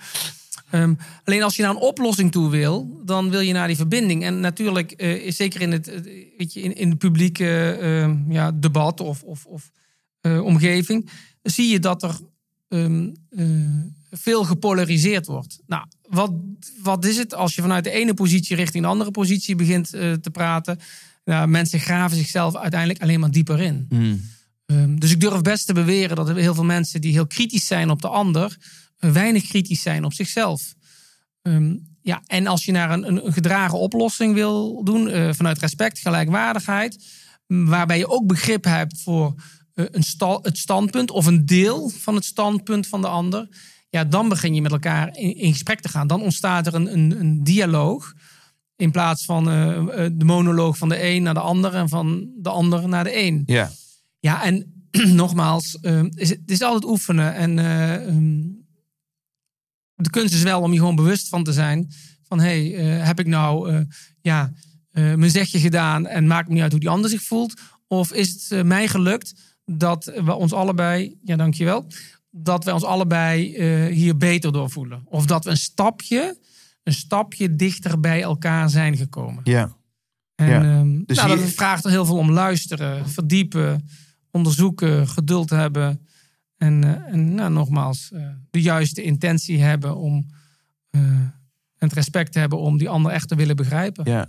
En dat is dus nodig als je echt daadwerkelijk invloed wilt uitoefenen. Dus hier komt ook Mhm. weer bij de kernvraag: A, wie wil je zelf zijn? En B, wat wil je bereiken? Ja. Ja, ja als, als, als, als, als dat wat je bereikt is schoppen en dan Ja. maakt verder niet, Ja. niet uit. Maar als je een force of change wilt zijn. Ja. Nou, ik moet een beetje denken aan natuurlijk de voorvechters. Eh, we, we zitten toevallig Ja. hier in een ruimte waar, waar Nelson Mandela op ons neerkijkt. Ja. Eh, nou ja, als, als er iemand over geweldloze communicatie na jaren balingschap, eh, dan, zijn dat, zijn, dan kennen we natuurlijk de mooie voorbeelden die uiteindelijk daarmee het verschil hebben gemaakt. Ehm, en en een, van, een van de principes in beïnvloeding die jij omschrijft is ook toon je, toon je kwetsbaar. Ja. Ehm, waarvan ik in de tijdsgeest ook dan mooi vind dat, dat als je start vanuit kwetsbaarheid, dat vaak meer oplevert dan als je start vanuit woede of, of, of juist heel kracht. Hè? Een soort vechtende houding. Ehm, hoe, hoe, hoe, hoe definieer jij kwetsbaarheid? Want misschien zou iemand kunnen zeggen: ja, Nou, het feit dat ik deze ja. woede uit is ook heel kwetsbaar. Ja, dat, dat, dat zou je kunnen zeggen. En dan zullen theorieën zijn die zeggen: je moet alles eruit gooien wat er in je zit. Dat kan. Maar ja, als ik jou, eh, ik, ben, ik ben boos, ik geef je een klap, heb ik jou wel die klap gegeven. En dan zit jij vervolgens in therapie om, eh, vanwege mijn klap. Dus ehm, kijk, kwetsbaarheid, en dat is echt wel iets wat we, eh, ja, ik zou bijna zeggen, wat we moeten en mogen leren Ja. ehm, is vaker zeggen of denken: ik weet het niet. Of meer van jezelf laat zien. Hè? Ehm, ik zat laatst met, eh, met iemand en we hadden een ontmoeting. En toen zei ik: ehm, Hoe is het met jou als ik je echt zou kennen? Hmm. Oeh, dan ging die even, hè, haalde die meteen diep adem. Had ik gevraagd: Hoe is het met je? Had hij gezegd: Goed. Maar nu zeg ik: Hoe is het met jou als ik je echt zou kennen? Ja. En ehm, dan krijg je een heel ander, eh, ja, dan, dan, dan krijg je een echt gesprek. En eh, spannend. En maar als je, als, je, als je mij in het hier en nu, eh Glenn, echt zou kennen, dan zou je weten dat, dat het gewoon af en toe mij persoonlijk pijn doet hoeveel eh droevenis mensen elkaar aan kunnen doen. Ik denk, wauw, twee of meerdere mooie mensen die eigenlijk allemaal kunnen en, en mogelijk willen bijdragen tot een betere wereld. En dan zie ik zoveel strijd om me heen. Ja, dan kan ik echt af en toe denken: oké, waarom? Ik ben nooit een ruziemaker geweest. Eh, ik ben wel af en toe natuurlijk eh, ook eens een keer dat, ik, eh, hè, dat de, de maat vol is.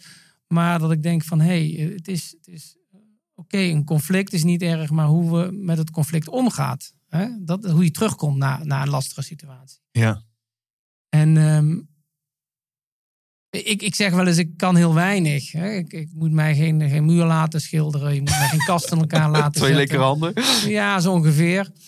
Ehm, maar laat ik nou dat steekje waar ik denk van, nou, daar, daar ben ik, in, eh, daar heb ik dan wel mijn talent voor meegekregen. Dat is om ja, een stukje inspiratie te mogen brengen, een stuk diepgang te mogen brengen.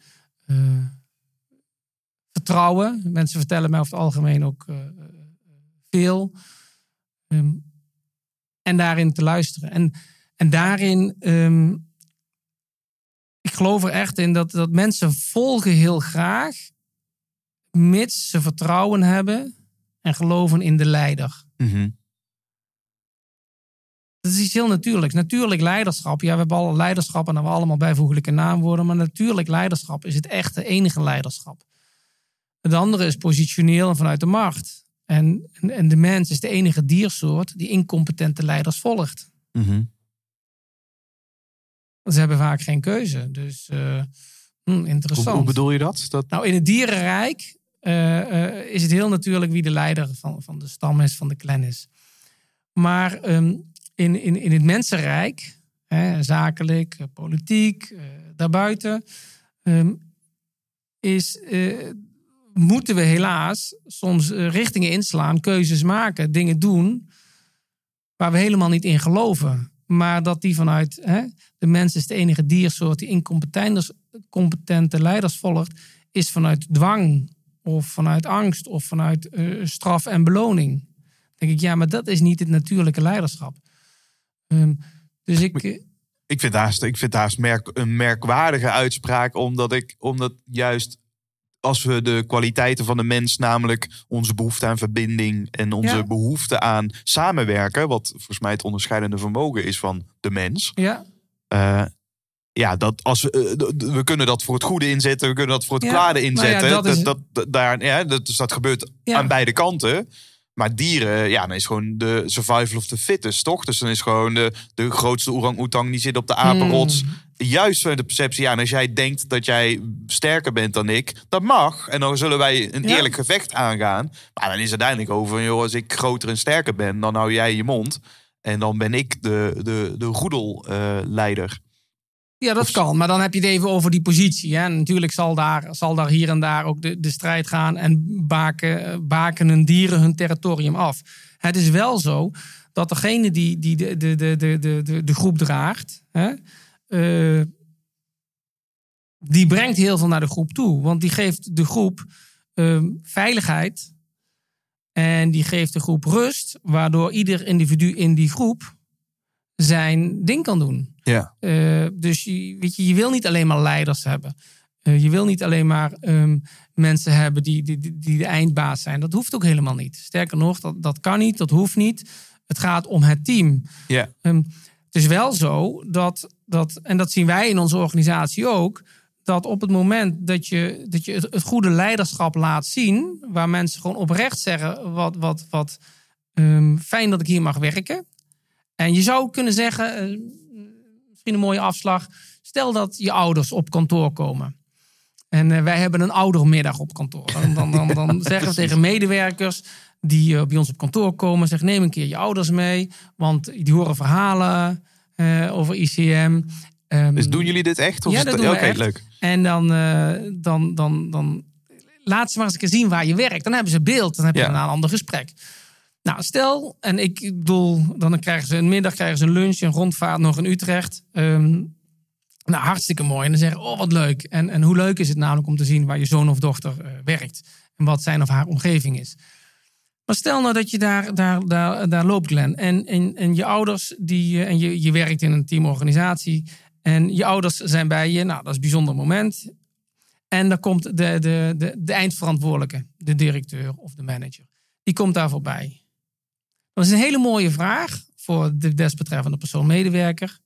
Vind je het gaaf om je manager, directeur aan je ouders voor te stellen Ja. of niet? Als je dat gaaf vindt, dan heb je een soort innerlijk gevoel van verbondenheid. Ja. Ehm, en denk je van, nou, wat fijn dat ik hè, met hem of haar mag werken. Op het moment dat dat niet is, denk je van, nou, oké, dit is hè, eh, eh, Fred. En Fred, die... Staat al in het geheel. hè, joh, Ja, dat is Fred. die, nou, dat is mijn baas. Oké, ja, hallo, dag. Nou, dan weten ze natuurlijk ook hoe die eruit ziet. Want hij, zij, hij of zij, hè, de, de werknemer zal best een keer over de leidinggevende gesproken hebben. Maar goed, eh, dus ben je trots op je organisatie? Ben je trots op je collega's? Ben je trots op je leidinggevende? Daar, eh, dat is waar je naartoe wilt. Nou, en dat, eh, dat zou een streven moeten zijn, mogen zijn. Ja, en Ja. ik zit nu ik zit nog steeds door te denken op dat, op dat, op dat, baas, op dat voorbeeld, de metafoor van dieren. Maar daar kan ik me wel voorstellen als dus veiligheid ook voor dierenrijk nodig is om hè, de positie van leiderschap, wat, wat, wat, waarvan ik ook geloof dat het een keuze is, geen positie. Mhm. Er zijn heel veel managers die misschien een leidinggevende rol hebben, maar, maar niet eh, tot vrijwillig volgen aanzetten. Ja, nou, dat is het. En dat er misschien andere mensen in dat team zijn die Ja. niet hiërarchisch de positie hebben, maar eigenlijk de invloed, eh, veel, waar de invloed Ja. veel groter is. Kijk, in het dierenrijk kan ik me voorstellen, dan is kracht en sterkte en fysiek, dat is nodig om die veiligheid te creëren. Want er is gewoon gevaar. Mhm. Ja. Komt gewoon dadelijk een andere roedel, dan zul je gewoon ook met je kracht die veiligheid moeten creëren. Bij ons in de wereld hoeven we, als we gewoon kijken naar het bedrijfsleven, hoeven niet bang te zijn dat we elkaar doodsteken ineens. Mhm. Maar dan zit natuurlijk die veiligheid uit zich daar veel meer een psychologische veiligheid. Absoluut. En dan Ja. gaat het over, als je kijkt naar de leiders, de echte leiders die ook de leiding krijgen van, Ja. van hun volgers. Ja, dat zit hem dus niet zozeer in fysieke veerkracht, maar het zit hem in emotionele veerkracht. Absoluut. In mentale veerkracht. En dan niet zozeer IQ louter, maar EQ. En, en, en, en, en het vermogen dus om die verbinding aan te gaan. Ja. We weten dat EQ ontwikkelbaar is. Maar we weten ook dat hoe hoger je in de hiërarchie gaat, eh, hoe hoger zeg maar in de boardroom, Mhm. hoe, hoe lager eh soort curve, hoe lager de, de gemiddelde emotionele Ja. ontwikkeling Ja. is. Hoe verklaren we dat dan? Hoe verklaren we dat? Ja, mooi. Ja, ik, ik ben wel eh, in, in de goede hoop dat we steeds meer mensen krijgen op, op belangrijke posities die hun EQ echt ontwikkelen en meenemen. Mhm. Ehm, het is natuurlijk zo dat, dat eh, nou neem het voordeel zonder daar te lang bij stil te staan, maar eh, toch om het even te duiden, kijk naar eh, de wereldpolitiek. En het is eh, eh, eh, heel erg interessant dat er wordt gesproken, ja, de wereldleiders. Mhm. En dan heb je gewoon de eindverantwoordelijke, in dit geval de Van belangrijke premier-president van een land. De G20 bijvoorbeeld. Eh, bijvoorbeeld, maar de, de wereldleiders. Maar als je puur naar de dimensies van leiderschap gaat kijken en teamvorming gaat kijken, eh, dan, dan, dan zijn het helemaal geen leiders. Dan zijn het mensen die een positie hebben met veel eh, macht. Hè? Maar daar zit maar een enkeling tussen die daadwerkelijk vanuit die wijsheid en vanuit het echte eh, juiste invulling van leiderschap opereert. ja. Nou, dat is in organisaties is dat ook zo. En ehm, wij hebben in het laatste onderzoek van, van Great Place to Work, je refereerde er al aan, en dat gaat over het zijn van een hele goede werkplek. Ja, zijn wij als een van de vijf organisaties in Nederland eh, beoordeeld met de hoogste score op emotionele en psychologische veiligheid. Ja, dan, dan zeg ik oprecht, wauw, dankjewel dat ik hier aan mag bijdragen. Dat doen we met z'n allen. Ik heb er ook een rol in emotionele en psychologische veiligheid, dat is echt eh, mega belangrijk. Ja. En ehm, dat maakt dat, dat je jezelf durft uit te spreken. Dat maakt dat je je gezien en gehoord voelt. Dat maakt dat je gewoon vrij kunt bewegen.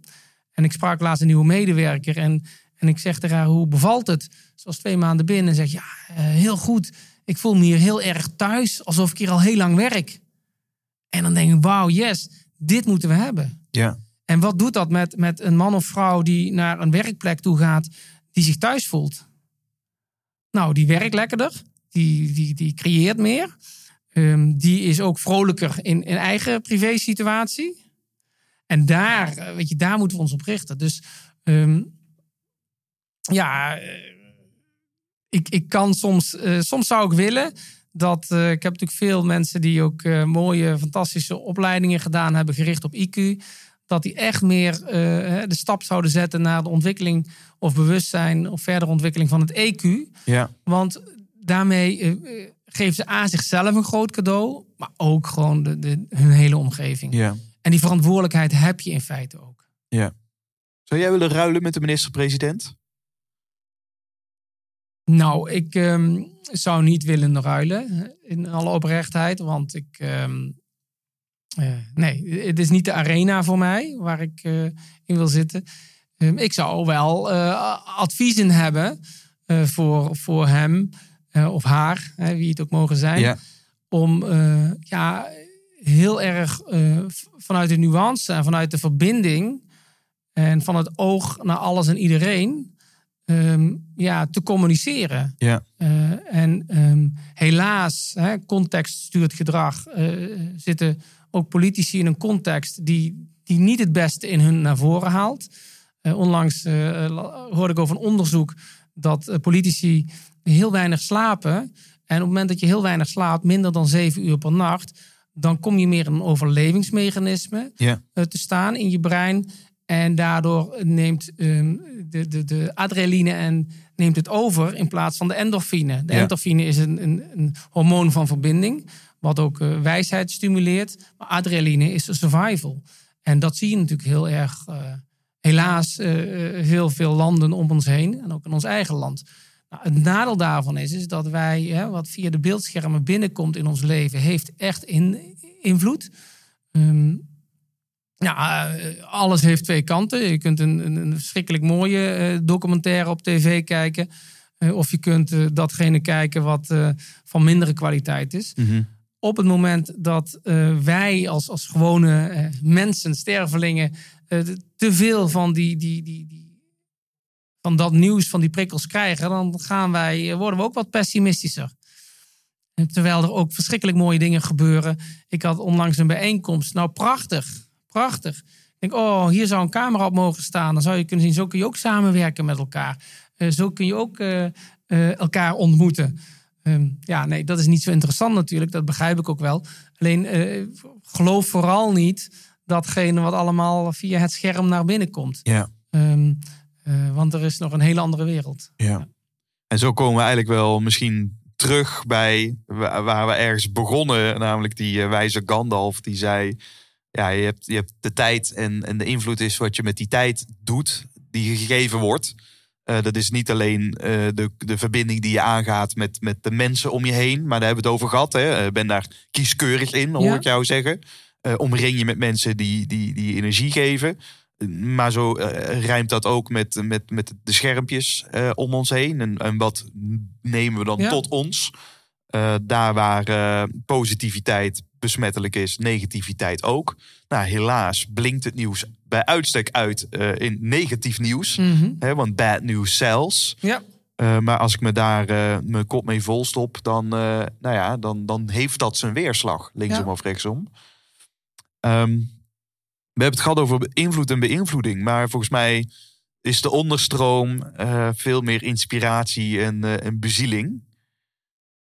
Nou, daar wil ik nog wel iets over zeggen. Dat klopt. Dat klopt. En ook als ik lezingen geef eh, en er zitten 2, 3, 400 mensen in de zaal, dan, dan ga ik even in stilte vooraf en dan denk ik van oké, als één persoon hier in de zaal één ding meeneemt waar hij of zij wat aan heeft of dichter bij hem of haar brengt, dan is het al gezegend.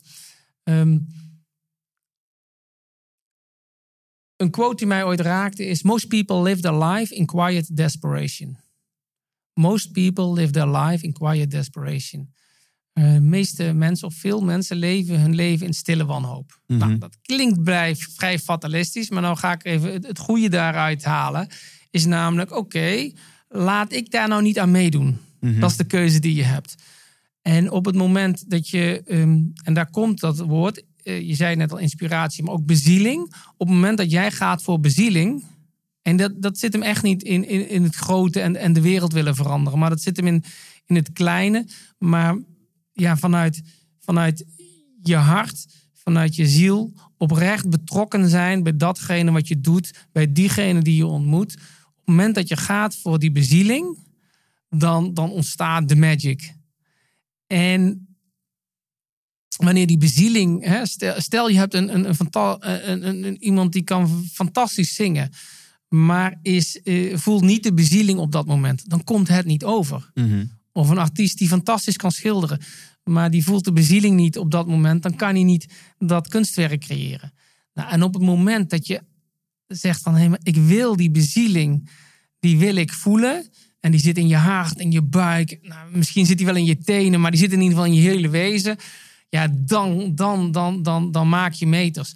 En ehm, ehm, ja, je kunt geen grote dingen doen, zei moeder Therese ooit. Maar alleen kleine dingen met grote liefde. En, en dat is waar ik, ja, waar, waar ik echt zelf ook voel... Wauw, was ik nu eh, bezield aanwezig of draaide ik gewoon eh, mijn ding af? Hè? Ja. En, ehm, en, en, en daar alleen al op le- alert op zijn, dat is van waarde. En, en als ik een moment heb als voorbeeld, eh, dat ik even denk, hmm, weet je, ik weet niet, eh, het is hem even niet. Dan moet ik mezelf eh, ook soms bij het nek, nekvel pakken om Gezondheid. kriebeltje, om, om, om naar buiten te gaan, om te gaan sporten. Ja. Of even de zon op te zoeken. Of dat goede boek te pakken. maar als je eh, zonder eh, bezieling leeft en werkt, dan is de vraag wat op dat moment dan de werkelijke waarde is. Het is wel bijzonder, hè? Dat zelfs dat als er, er gebeurt eh, in het gesprek niet, niet veel minder dan dat we het hebben over, over wat als, als ik als het ware niet in contact ben. En, en grappig genoeg pop, wordt dat ook meteen Ja. groter. Hè? Ja. Dus ik vind het zo grappig dat ook die kriebel wordt ineens eh, zo vervelend dat het, eh, dat het het spreken blokkeert. Ja. Ehm, eh, dus, dus misschien is dit wel nou ja, ehm, het, mooie, het mooie bewijs dat, dat alles wat je aandacht geeft groeit. En dat jij heel duidelijk voor jezelf een keuze maakt wat je aandacht geeft. Ja, dat tracht ik absoluut te doen. En ehm, ja, kijk, volgens mij wil iedereen, en ook iedereen die hier naar luistert, die wil, wil zijn of haar leven ehm, kleur geven. Die wil, die, die wil eh, een lach op zijn gezicht hebben. Nou weet ik dat er sommige situaties zijn die zijn helemaal niet om te lachen en die zijn heel verdrietig. Eh, dat neemt niet weg dat eh, in grote lijn het, het, kleur, de glimlach, ehm, de ander ontmoeten, de ander in zijn ogen aankijken en, en voelen. We hebben veel meer met elkaar gemeen dan dat we verschillen. Dat we daarvoor mogen gaan. En, en op mijn manier, in mijn rol, eh, hoe klein ook, tracht ik daar, eh, daar achteraan te gaan. En ehm, ja, en dan heb ik dus eh, het gevoel dat ik ook net kom kijken. Dat ik iedere dag weer opnieuw, ja, ik zou bijna zeggen, geboren word. Dat ik denk van, nou, wauw. Ja, Eh, Iedere levensfase kent zijn schoonheid. ja. Twee fantastische zonen mogen we hebben. Ja, en ergens eh, denk je van, oeh, als die ooit uit huis gaan en die slaapkamers zijn leeg, eh, wat doen ze dan? Maar wauw, ze komen nooit meer terug hè, op de manier waarop ze er waren. ja. Nou goed, kun je daar, kan ik daar de, de, de tijd voor nemen bij stilstaan. En, en ook, dat vind ik ook toch belangrijk om te noemen. Wij, wij eh, vanaf de oprichting eh, van ons mooie bedrijf eh, werken we al met 10 tips. Klinkt lekker, doet het lekker. eh, mensen vinden dat geweldig. Kan het gaan om de 10 tips voor communicatie, 10 tips voor beïnvloeding, 10 tips voor leiding geven, 10 tips voor samenwerken. Ja. Maakt niet uit.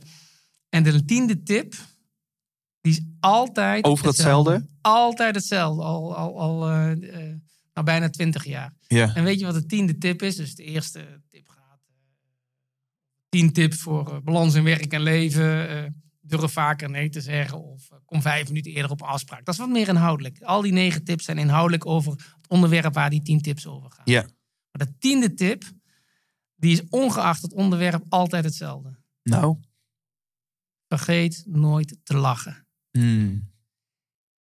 Vergeet nooit te lachen. Wij, wij nemen soms, nee niet soms, wij nemen het leven heel vaak veel te serieus. Ehm, wij wij eh, denken, het moet zus, het moet zo, oh het loopt anders, help, dat kan toch niet. En op het moment dat je veel meer gewoon de humor inziet en eh, ja, het, plezier kunt, kunt zien en, en daardoor ook ja, eh, nooit vergeet te lachen, ja, dan denk je, ja, dan, ja, dan word je gewoon luchtiger, dan word je makkelijker. En dan wordt het fijner. En ehm, ja, dat, dat is ook ja, eh, wat we wat mij betreft nooit mogen vergeten. Eh, kracht van humor, kracht van eh, de glimlach, ehm, de relativiteit van alles inzien. Ja. En, en af en toe met humor om je heen kijken en denk, nou, ik hoop dat het zo goed is. En ik heb in ieder geval mijn uiterste best gedaan. Mooi. Nou, ik vind dat een mooie, mooie slottip, eh, Erik. Ik, ik heb in ieder geval me enorm verbonden gevoeld in het gesprek. eh, dankzij jouw, eh, jouw, jouw inzichten die je hebt willen delen. We gaan nog zo meteen naar de laatste ontspotvragen. Dat zijn de vragen die ik altijd iedere gast stel. Mhm. Daar ronden we mee af. Maar voordat we dat doen, als mensen hè, geïnspireerd zijn geraakt in dit gesprek, meer willen weten over jou, via welke weg komen ze daar? Ja, nou, mijn persoonlijke website. Eh, dat is meer eh visitekaartje, een contactmogelijkheid. Eriks- eriksmidhuis.nl Yes. Ehm, Ja, je mag ook altijd een LinkedIn-uitnodiging sturen. Dan eh, connect ik graag. En, eh, en via ICM.nl of de website is er ook alles te vinden, maar meer over de organisatie dan over mij persoonlijk. Mooi. Ehm, ja, en ik hoop je in de toekomst zeker een keer mogelijk live te ontmoeten bij een van de lezingen of bijeenkomsten. Live dan wel on- online. Mooi. Staat genoteerd. Ja. Erik, ehm ontspotvragen dus. Onspotvragen, Ja, dat heb ik nog nooit meegemaakt. Het, het eerste wat in je opkomt is goed. Dus Oké. geef eh, kort en krachtig antwoord op een rijtje snelle vragen. Hoeveel vragen komen er? Eh 1, 2, 3, 4, 5, 6, 7 volgens mij. Zeven, zeven, dat is een mooi getal. Nou, Ready? Ja, hoor. Wat is een boek wat je enorm heeft geïnspireerd of wat je wellicht het meeste cadeau hebt gegeven? Je eigen boek telt niet natuurlijk. Mijn eigen boek eh, telt niet.